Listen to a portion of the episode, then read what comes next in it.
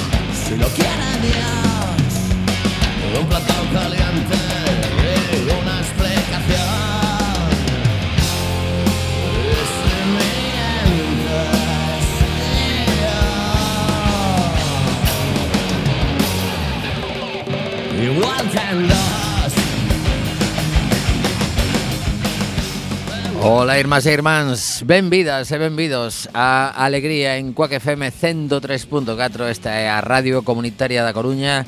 Estamos a martes, eh, son as 6 e 3 minutos Salvo que nos estés a escoitar en redifusión. E o programa que comeza hoxe é para, para felicitar Para felicitar a xente que queremos. Eh, Hoxe mesmo temos a Beula Lume de cumpleanos Dimolle día libre.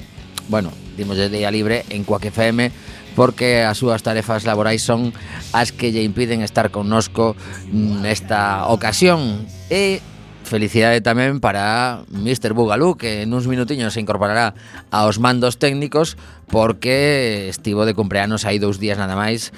Así que parabéns e moitísima felicidade para estes vindeiros 365 días e moito máis alá. Incluso 366 que xa sabes que estamos en ano bisiesto. Nos mandos técnicos polo de agora Roberto Catoira o noso Salvador. Saía hoxe montón de rapazada deste estudio de José Couso, de Cuac FM, porque mm, mola, mola que as, as voces da mocidade pois se acheguen a este a estes micros. Dicir tamén que agora mesmo mm, destas casualidades da vida, eu mm, rara vez teño que dicilo, eh, a verdade é que non sei por qué, escoito Onda Cero pero coincidiu que na última mm, viaxe que fixen coa miña furgoneta, pois seguramente acabei facendo unha especie de eh, búsqueda aleatoria e quedou eh, o dial en onda cero. Que sucede cando arranco cara a Quack FM? Porque na miña, na miña zona pois non, non chega, a miña furgoneta ten un problema de antena que non me chega case ningunha cadea e resulta que se estaba escoitando perfectamente unha entrevista e unha voz que me soaba de algo estaba falando con eh, como se chama esta locutora galega Otero? Eh, Juli, Julia, Julia Otero. Otero. efectivamente. Bueno, pois pois Julia Otero estaba entrevistando a un tipo que dixen, caramba, esta voz de que me soa? O meu amigo el Canca. O meu amigo el Canca estaba sendo unha, unha entrevista moi chula E resulta que eh, cando xa estaba na terceira ronda empezaron a meter audios de persoas que son superfans do Canca que animaban ao resto que non o coñecesen a escoitar determinadas cancións del. Eh, todo isto ven a conto de que nin máis nin menos que o vindeiro sábado terá o concerto máis gordo da súa carreira eh, como protagonista, porque como el comentaba na entrevista, xa actuou para moita máis xente da que o vai facer este sábado no Within Center de Madrid eh, en festivais, pero pagando unha entrada exclusivamente para ver al Canca, pois eh, vai ser este este vindeiro sábado, eu vou estar ali co, con Laura, miña moza, E o que vos quería contar de todo isto, aparte que traía a, a primeira canción do programa era del Canca tamén, pois que Cando coñeces unha persoa dende hai un montón de anos cando tes percorrido galego, o sea, Galicia con, con, con este home, con, cos seus compañeros, el Manning e Alvarito, en, en locais pequeniños, tocando para moi pouca xente, eh, lembramos sempre eh, a nivel familiar unha experiencia no Liceo de Noia, no que estábamos aproximadamente 12 persoas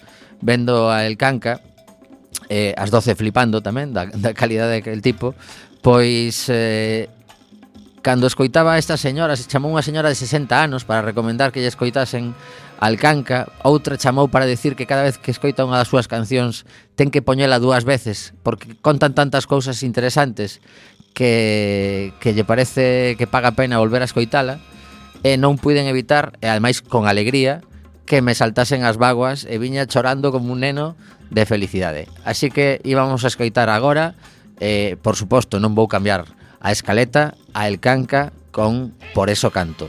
Temazo cunha letra desas de escoitar con calma e volver a escoitar cando remate. El Canca.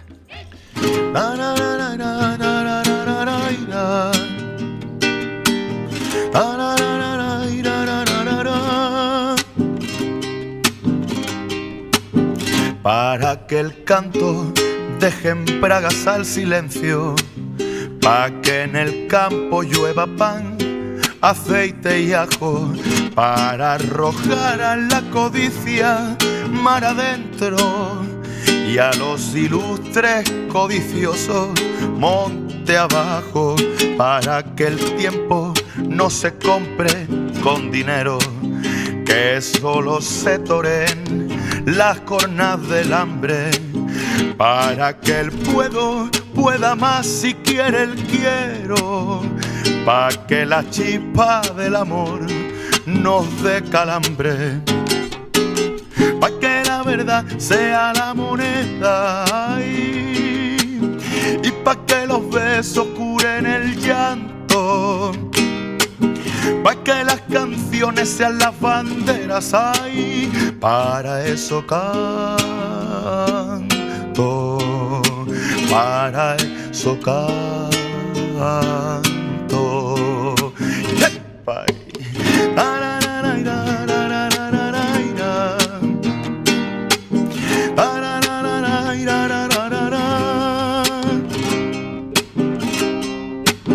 Para que nos enseñen desde bien pequeños a conocernos y a saber lo que sentimos en vez de andar encasillando nuestros sueños y limitando a uno todos los caminos para que todos ocupemos esta tierra con la única frontera de un mundo de todos, que solo dispare el fusil contra la guerra, pa' que la guerra caiga sangrando en el lodo.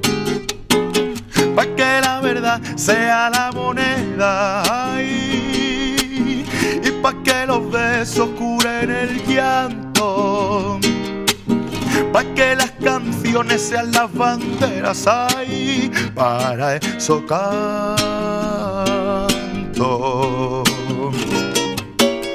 Canto pa' que no se me vuelva loco, ay, este mundo loco que sufre tanto. Canto por cantar, mire que no es poco, ay, para eso canto para eso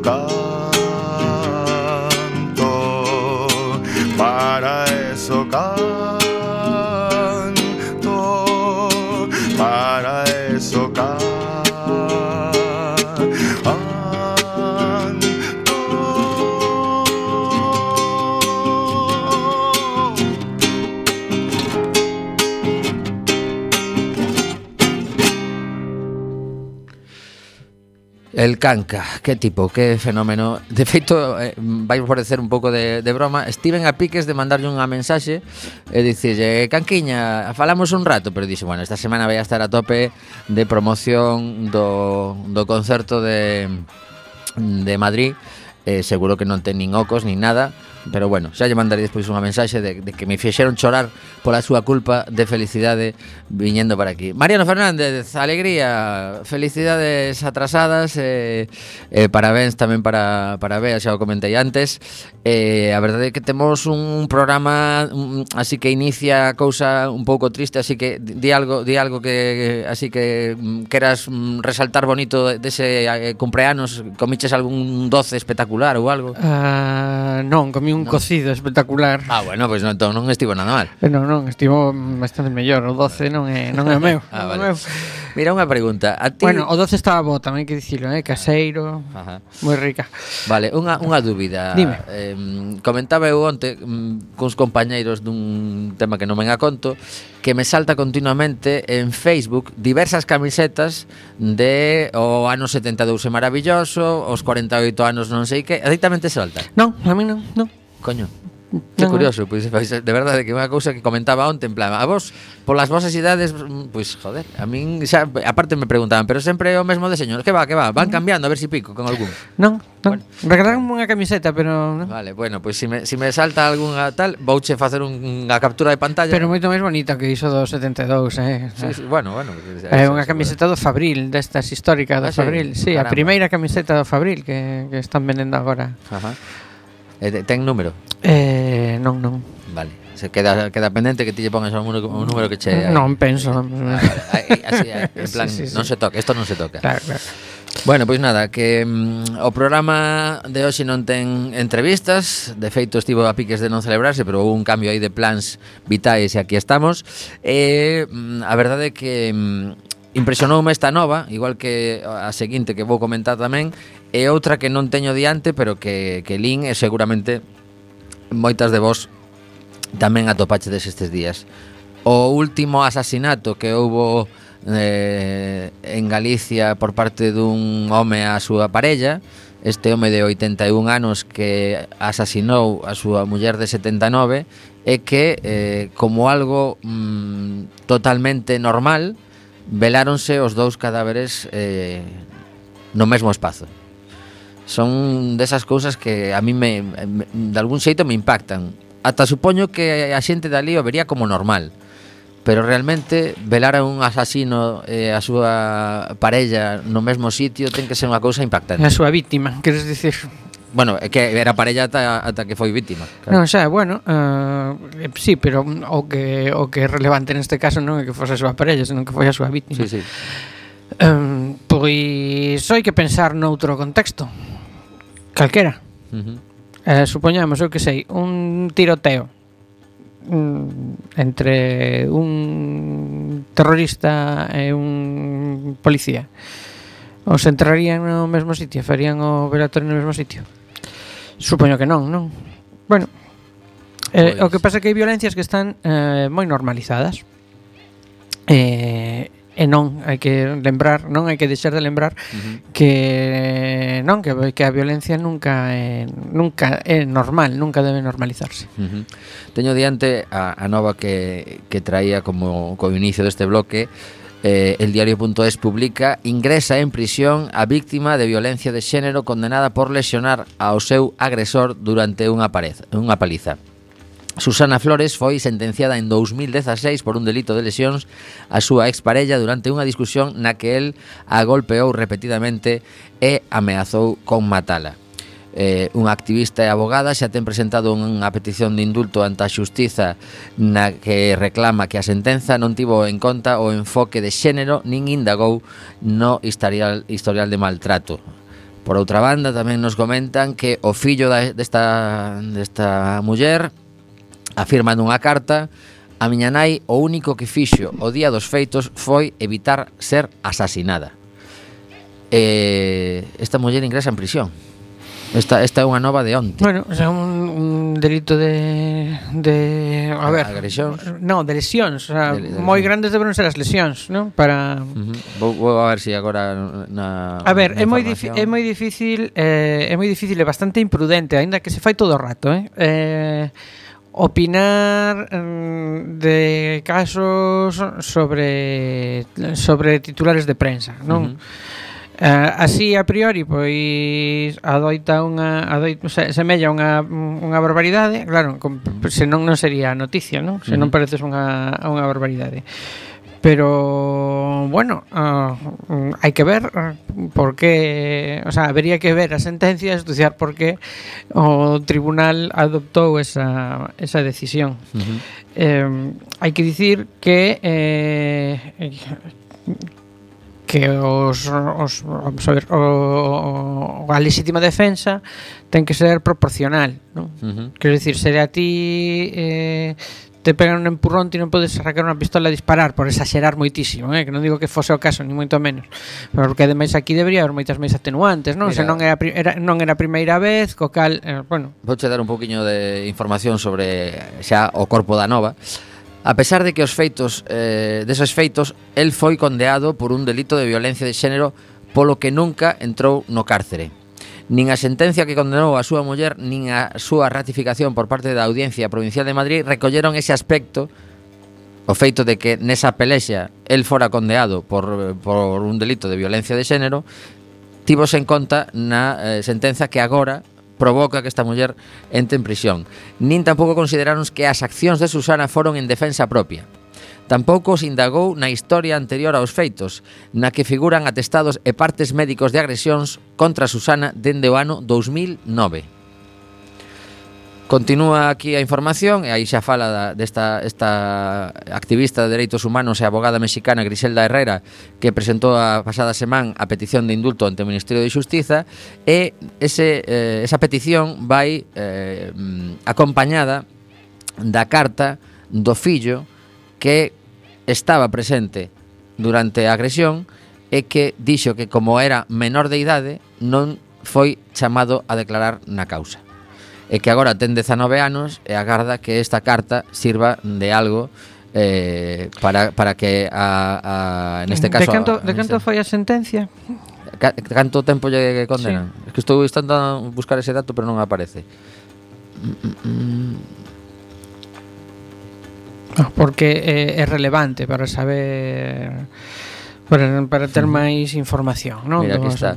Eh, ambos foron condeados polos feitos.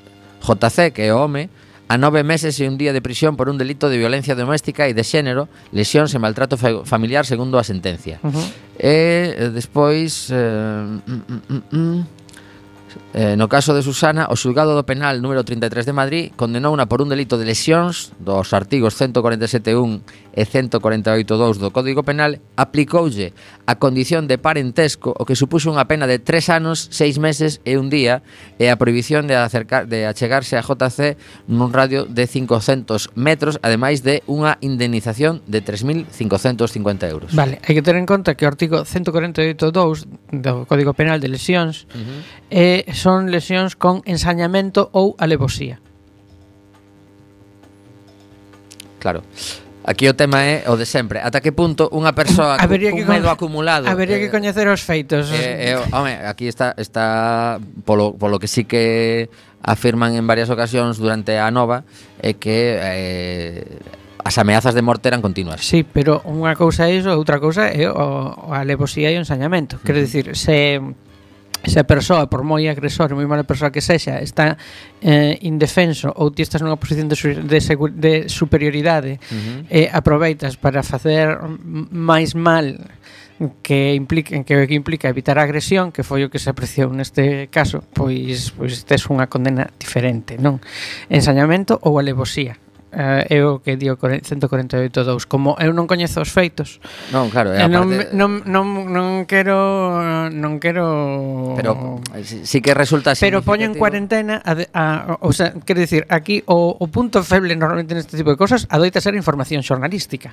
Pode ser. Porque, eh, bueno, por des... a, a nova é longuísima eh? porque por desgraza eh, digamos que a calidade da da Da información de tribunais non é moi boa. Bueno, neste caso podo che asegurar que a nova eh, eh son polo menos nove párrafos gordos, eh? O sea, quero dicir, poderíamos estar aquí facendo medio programa dedicado a isto, explicando todo. Eh, pois para ser nove párrafos gordos dan moi pouca información. A ver, Mariano, non.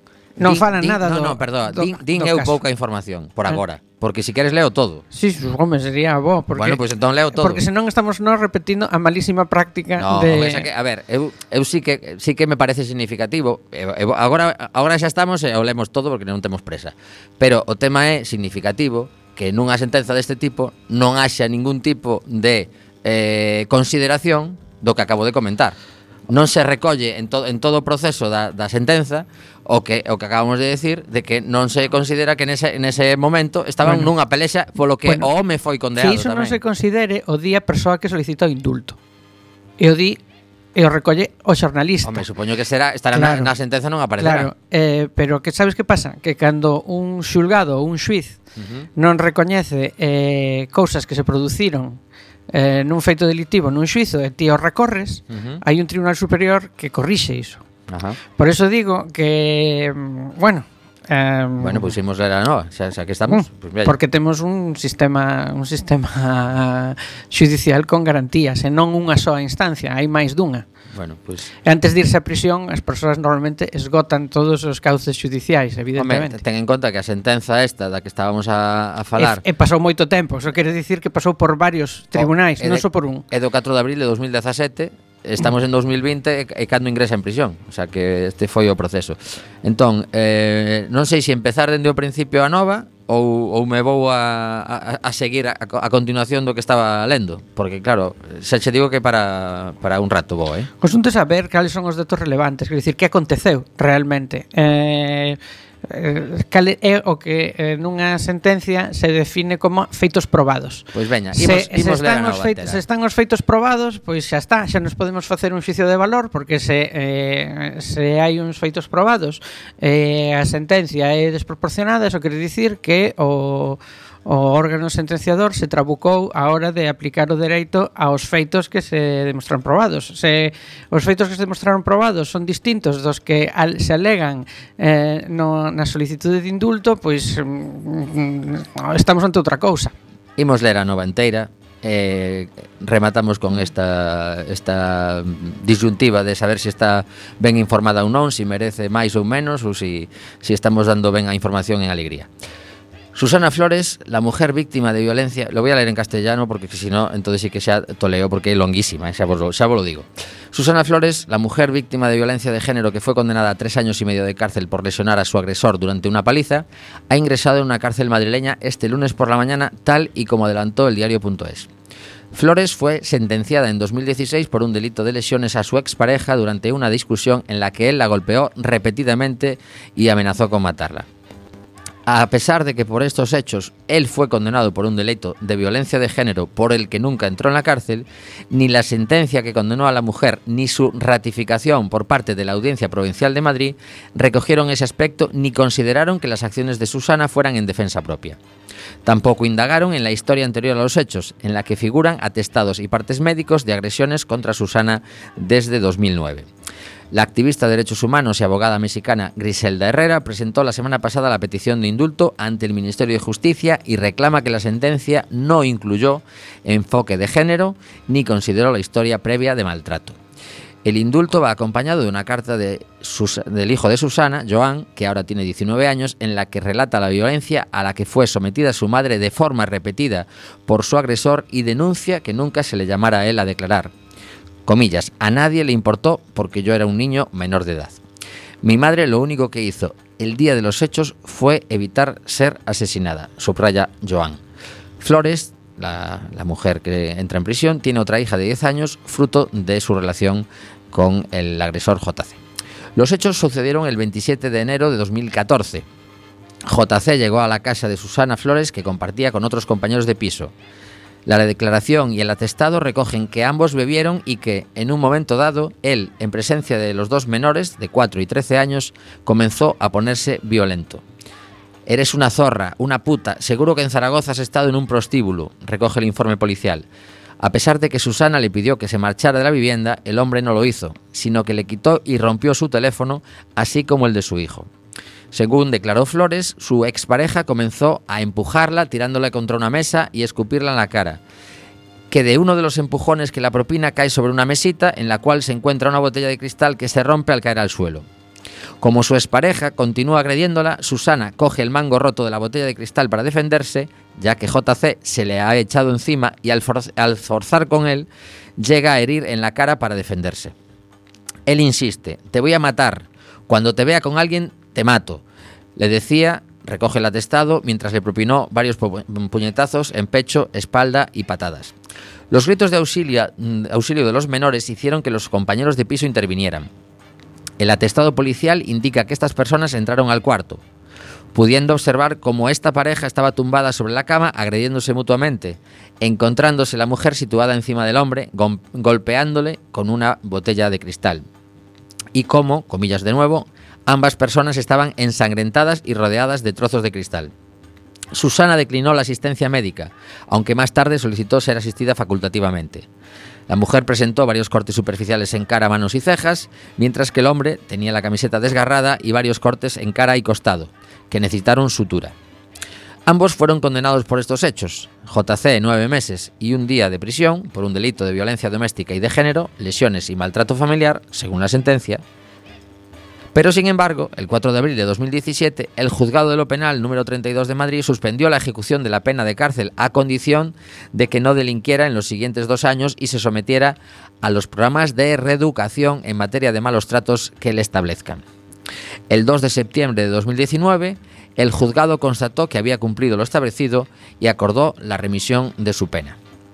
En el caso de Susana, el juzgado de lo penal número 33 de Madrid la condenó por un delito de lesiones de los, en los artículos 147.1 y 148.2 del Código Penal y le aplicó la condición de parentesco, lo que supuso una pena de tres años, seis meses y un día de prisión y prohibición de acercarse a JC en un radio de 500 metros, además de abonarle una indemnización de 3.550 euros.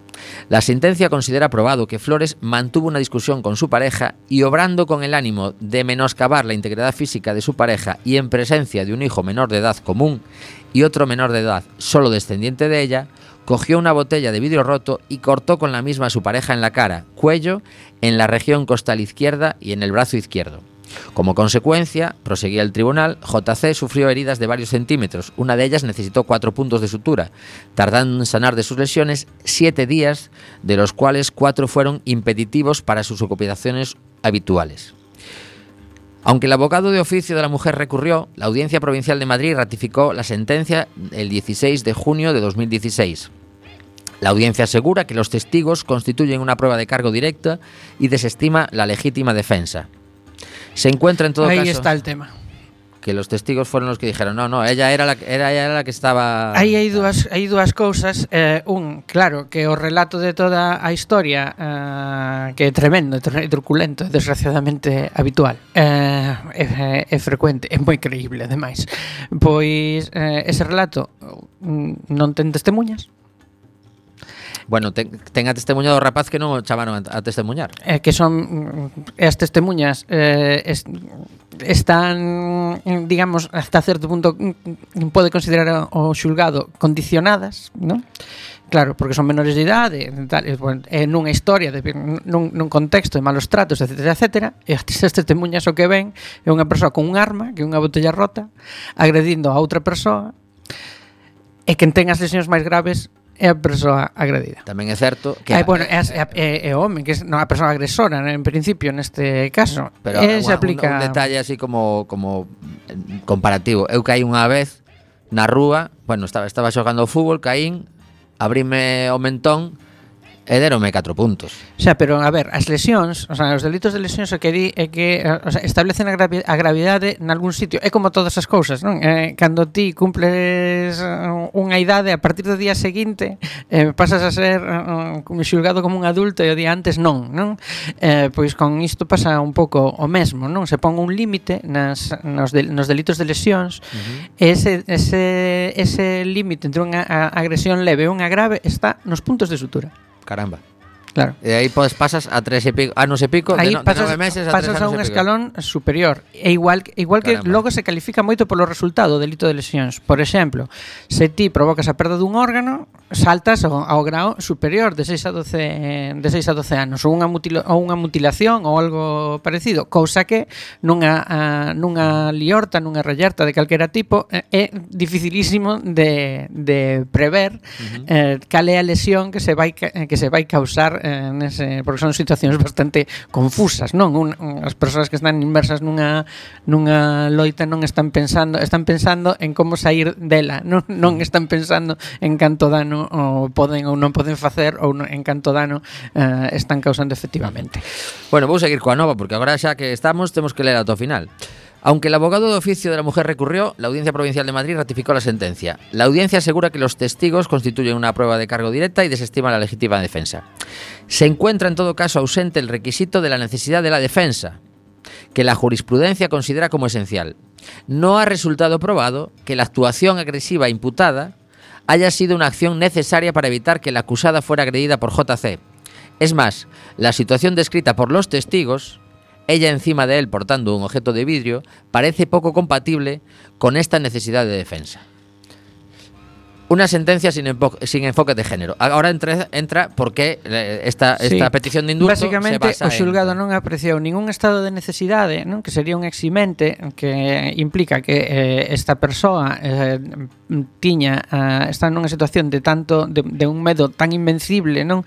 Unha situación de temor tan grande que eh, que desencadenou esta actividade. Por outro lado, tamén desbota a, a legítima defensa porque estima desproporcionado. Porque estaba, claro, porque as testemunhas din que ela estaba en riba del Claro. Nese momento. Bueno, imos continuar porque así temos máis datos. Que igual non chegan as testemunhas e non se sabe como tería acabado o asunto. Seguramente. Claro. La petición de indulto presentada hace unos días ante el Ministerio de Justicia alega que Susana fue condenada por un delito de lesiones que causó a su expareja en, en legítima defensa y en defensa de la vida de su hijo. Y lamenta que su sentencia careciera de perspectiva de género e ignore las agresiones previas. De los hechos narrados se puede deducir que ha venido sufriendo una historia continuada de maltratos, siendo el último episodio especialmente grave y en el cual ella pudo ser asfixiada delante de sus hijos, dice el escrito. Susana, continúa, va a sufrir una pena de privación de libertad sin que nadie haya tenido en cuenta un enfoque de género, sin que nadie la haya asesorado y arropado en el momento en que debía haber dejado sus temores y denunciado en firma a su agresor. Es sencillamente una víctima que se juzga por unos hechos desgraciados al final de una historia de sufrimiento. La petición de indulto razona que sin perspectiva de género se termina juzgando un hecho aislado que termina por criminalizar a una víctima y no tiene en cuenta la existencia de una relación desequilibrada de poder. En una carta anexa, el hijo Joan asegura que desde que llegó a España vio como la pareja de su madre la agredía. Ella, por tener una vida en común, evitaba denunciar, pero mi hermana y yo vivimos situaciones límites de violencia en donde se puso en juego nuestra, in- nuestra integridad. Nunca se me llamó a declarar subestimando que yo era menor de subestimando que yo era menor de edad, pero el entorno que vivíamos era de violencia grave hacia mi madre. Sobre la noche de los hechos apunta. Mi madre lo único que hizo fue evitar ser asesinada. Y ahora continúa con los antecedentes. Una historia que se remonta a 2005. Susana Flores, de origen ecuatoriano, llega a España en 1999. Su historia con el agresor JC, también ecuatoriano, se remonta a 2005. Según relata ella misma a diario.es, las agresiones verbales y físicas comenzaron aproximadamente año y medio después de conocerse.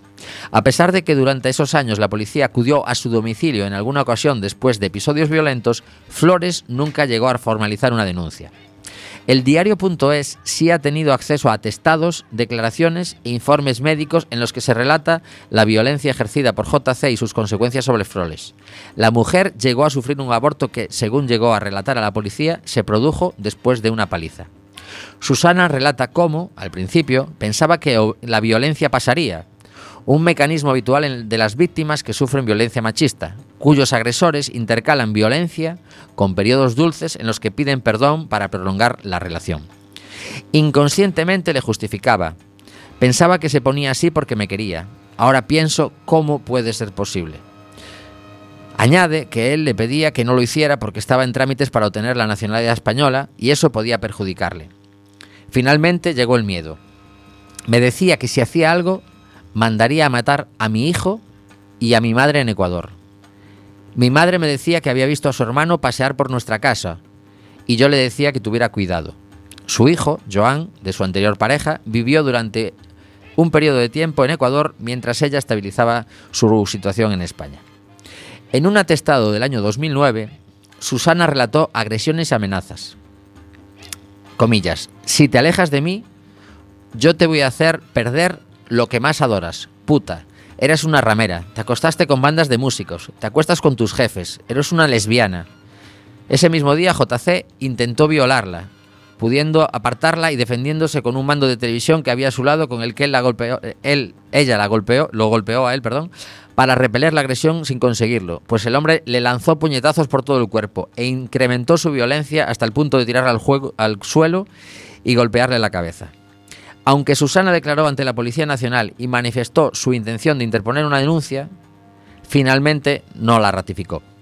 A Flores se le había hecho entrega del acta de información a la víctima de violencia de género y ofrecimientos de acciones como perjudicada de, de delitos violentos o sexuales. Este lunes, ayer, Susana ha dejado su trabajo como encargada de un restaurante del centro de Madrid y ha ingresado en prisión por su propio pie.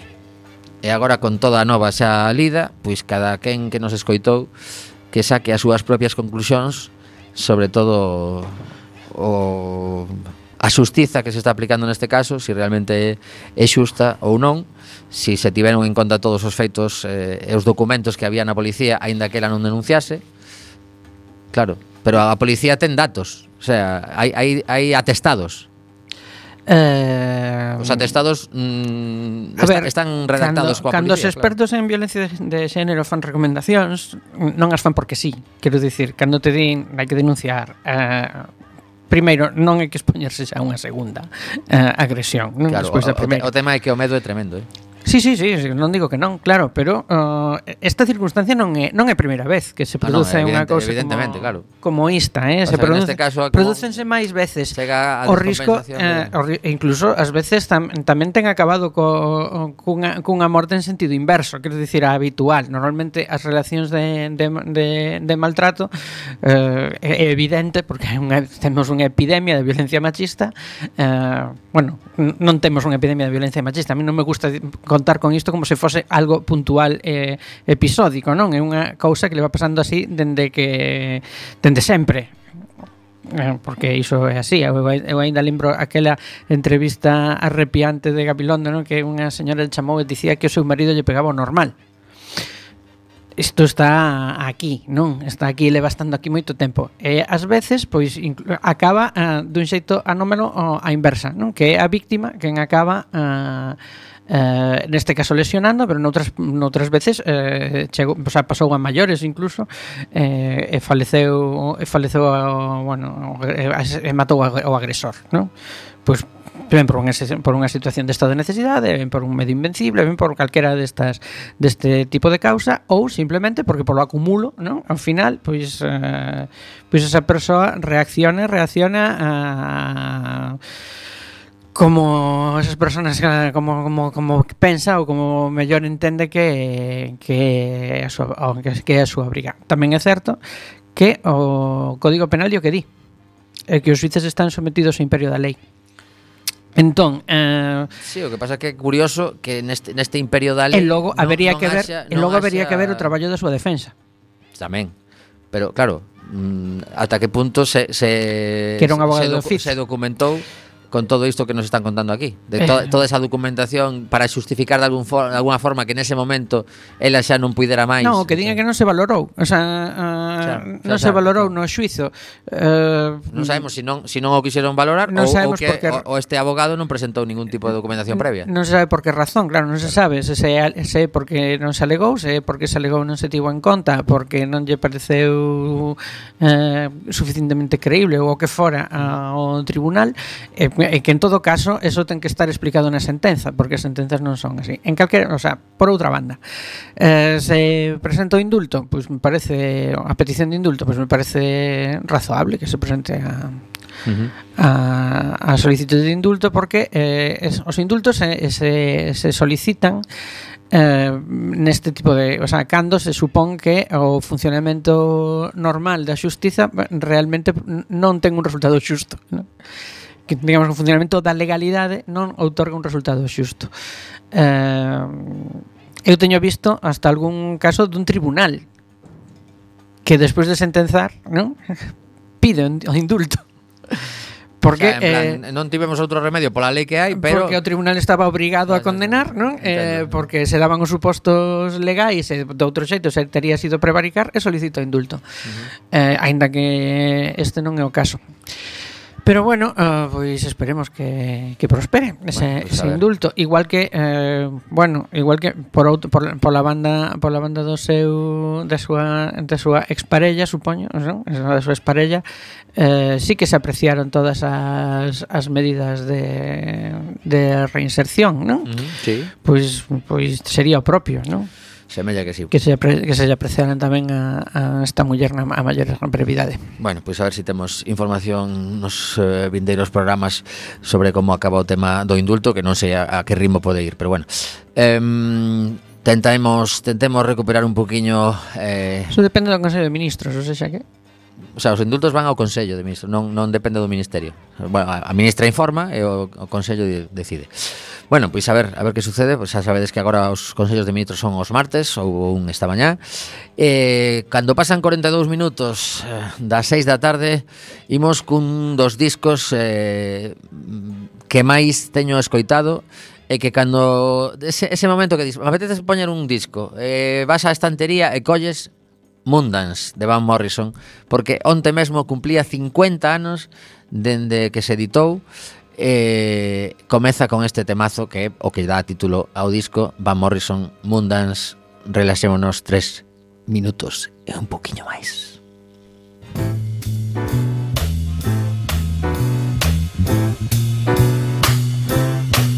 Well, it's a marvelous night for a moon dance with the stars up above in your eyes. A fantabulous night to make romance neath the cover of October skies. You know, the leaves on the trees are falling to the sound of the breezes that blow. Know, I'm trying to please to the calling of your heartstrings that play soft and low. You know the night's magic seemed to You know the soft moonlight seems to shine in your blush. Can I just have one more morning dance with you, oh, my love? Can I just make some more romance with you, oh, my love? Well, I wanna make love to you tonight. I can't wait till the morning has come. Yet I know now the time is just right, and straight into my arms you will run. And when you come, my heart will be waiting to make sure that you're never alone. There and then all my dreams will come true, dear. There and then I will make you my own. And every time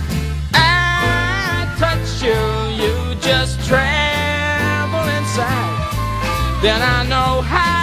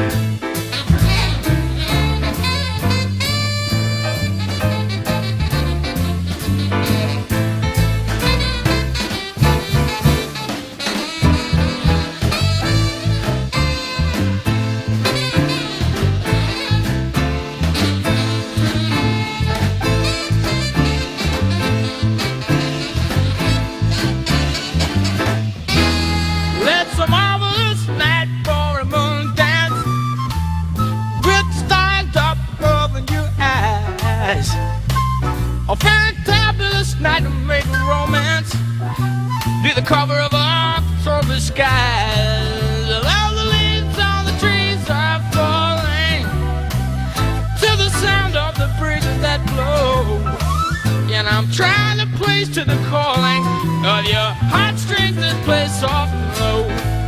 In all the night's magic seems to whisper and hush. In all the soft moonlight seems to shine in your place. Can I just have one more moon dance with you, oh my love? Can I my love?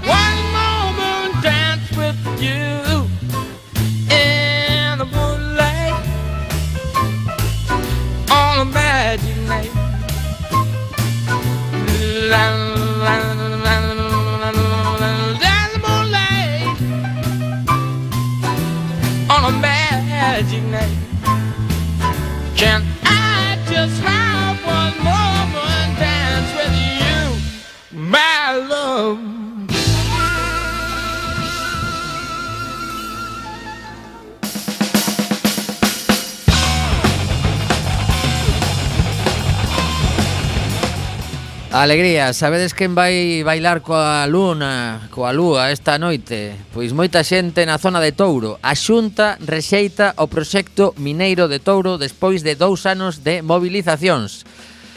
Marcos Pérez Pena, asina esta nova en Praza.gal, que nos conta o seguinte. A mina de cobre impulsada pola multinacional suiza Atalaya Mining nos concellos de Touro e O Pino non se levará a cabo. A Xunta anunciou este martes a emisión dunha declaración de impacto ambiental negativa con relación ao proxecto, poñendo fin á tramitación ambiental desta iniciativa mineira iniciada en outubro de 2018. O goberno galego afirma que a declaración negativa parte da constatación dunha afección real na zona derivada da actividade proposta e, ademais, do recoñecemento de que o proxecto aumentaría a presión hídrica sobre o río. A paralización do proxecto mineiro chega despois de case tres anos de intensas mobilizacións nos concellos afectados, pero tamén noutras comarcas do país. Nomeadamente na Ría da Rousa, outra das zonas que se podería ver máis persudicada pola miña. Supón, polo tanto, un triunfo da plataforma veciñal Mina Touro o Pino non Mina Touro o Pino non que pelexou no ámbito político, legal e social para evitar a reactivación desta explotación. Estamos pletóricos, eufóricos, contentísimos de que despois de dous anos por fin se nos dese a razón, dicía unha das súas voceiras pouco despois de coñecer o, o anuncio da Xunta. A declaración de impacto ambiental emitida pola Dirección Xeral de Calidade Ambiental e Cambio Climático fai fincapé nun informe da Dirección Xeral de Patrimonio Natural que sinalaba que a actividade mineira se desenvolvería nun espazo próximo a unha zona de especial conservación eh, que, cu, cusas siglas son ZEC, sen que quedasen acreditadas as correspondentes medidas protectoras e correctoras necesarias. Así mesmo, un informe de Augas de Galicia concluía que a actividade mineira aumentaría a presión hídrica sobre as augas da contorna non podendo garantir un estado ecolóxico óptimo sinala o goberno galego. Durante moito tempo o proxecto Mega Mineiro do Entouro e Opino avanzou entre a polémica, o rexeitamento da veciñanza, entidades e formacións políticas e despois da presentación mativa, masiva de alegacións ao estudio ambiental. Bueno, a nova continúa, pero eh, cando a xente ás veces eh, quere meternos na cabeza que as movilizacións e as protestas non valen para nada, eu creo que non está de máis lembrar este caso como outros moitos nos que as movilizacións cidadás sí que están a cumplir eh, primeiro coa mm, movilización e a necesaria unión entre as persoas cun fin común e segundo, pois con, con logros que non, evidentemente non sempre se, se consegue, pero neste caso era mm, pois bastante evidente que, que había riscos mmm, bastante chamativos, sobre todo incluso na, na zona da, da, da Ría da Arousa, e por fin pois eh, obtiveron o resultado, igual que tamén a xente de Berín conseguiu que, que Sanidade da Xunta reflexionase e abrise de novo pois esa, esas instalacións que permiten ás mulleres ter os seus fillos ali mesmo sen desplazarse ata Ourense. En este mesmo praza.gal Pois fálanos tamén da mm, O conflito sanitario agora en Berín aumenta o malestar entre persoal da CRTVG, a Televisión de Galicia, tras 88 semanas de movilización.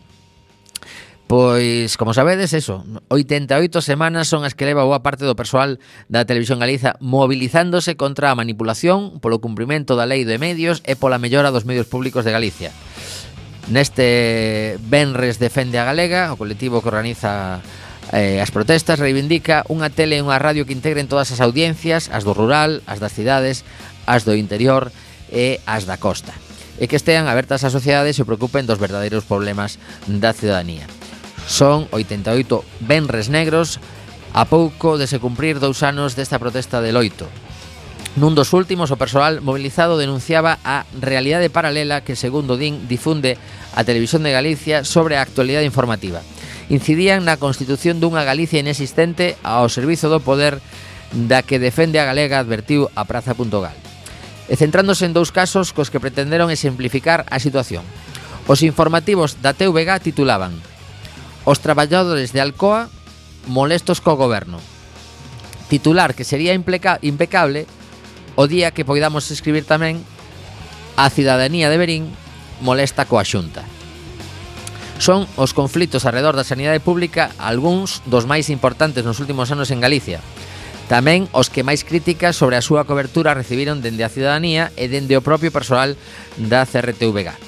O último o acontecido tras o peche do paridoiro do Hospital de Berín. Dende a CRTVG, o seu director xeral Alfonso Sánchez Izquierdo nega sempre calquera tipo de censura ou manipulación.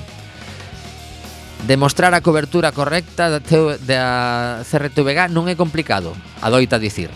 No caso de Berín, e ante as críticas da oposición, defendeu as informacións e asegura que se escoitaron todas as voces. Entre o cadro de persoal, fontes dos traballadores recoñecen que o modus operandi no caso de Berín non foi diferente ao dos outros conflitos nos que as críticas van dirixidas ao goberno galego ou ao partido que o sustenta, o Partido Popular. Todas aquelas informacións que afectan a Xunta ou os populares controlanse máis, asume algún profesional. No caso da supresión do atención pediátrica aos partos, a TVG cubriu obviamente a información, pero o persoal advirte de que se vetou recoller o parecer da oposición, nalgúnas pezas ou mesmo dos veciños no caso de algunha movilización. Segundo relanta varias, varias fontes, como acatece noutros casos, calquera información que poida ser algo polémica e afecte ao goberno está xestionada ou directamente elaborada por profesionais que a dirección ten de man e non tanto por redactores que non poidan controlar igual. Bueno, pois pues evidente que, que saben perfectamente quen, quen ten certa tendencia ou que é máis consciente de que se di determinadas cousas pois non van gustar na dirección. Bueno, o que pasa é que eh, a ver se nos imos acostumando eh, a, a, a que os medios públicos son de todos e de todas.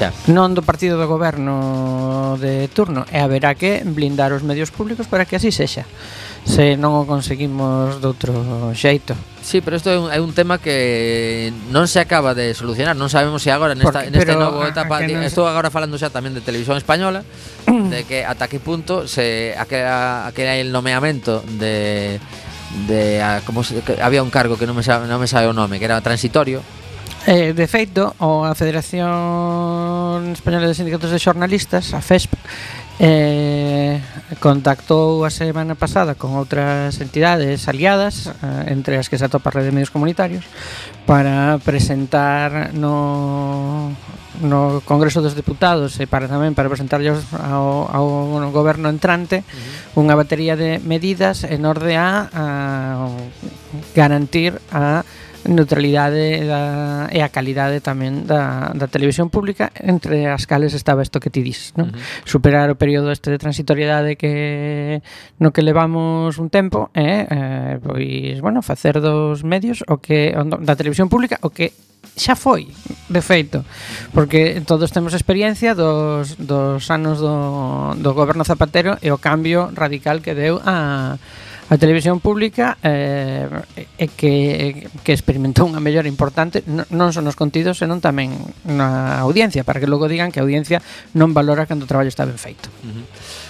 Pois eh, nos separan 30 segundos do final deste Alegría e imos deixar de fondo Hoxe, en vez de a, o noso amigo John Lennon, imos escoitar a Álvaro Ruiz con el Jase, eh, el Jose acaban de publicar eh, xuntos un vídeo en YouTube que está moi chulo.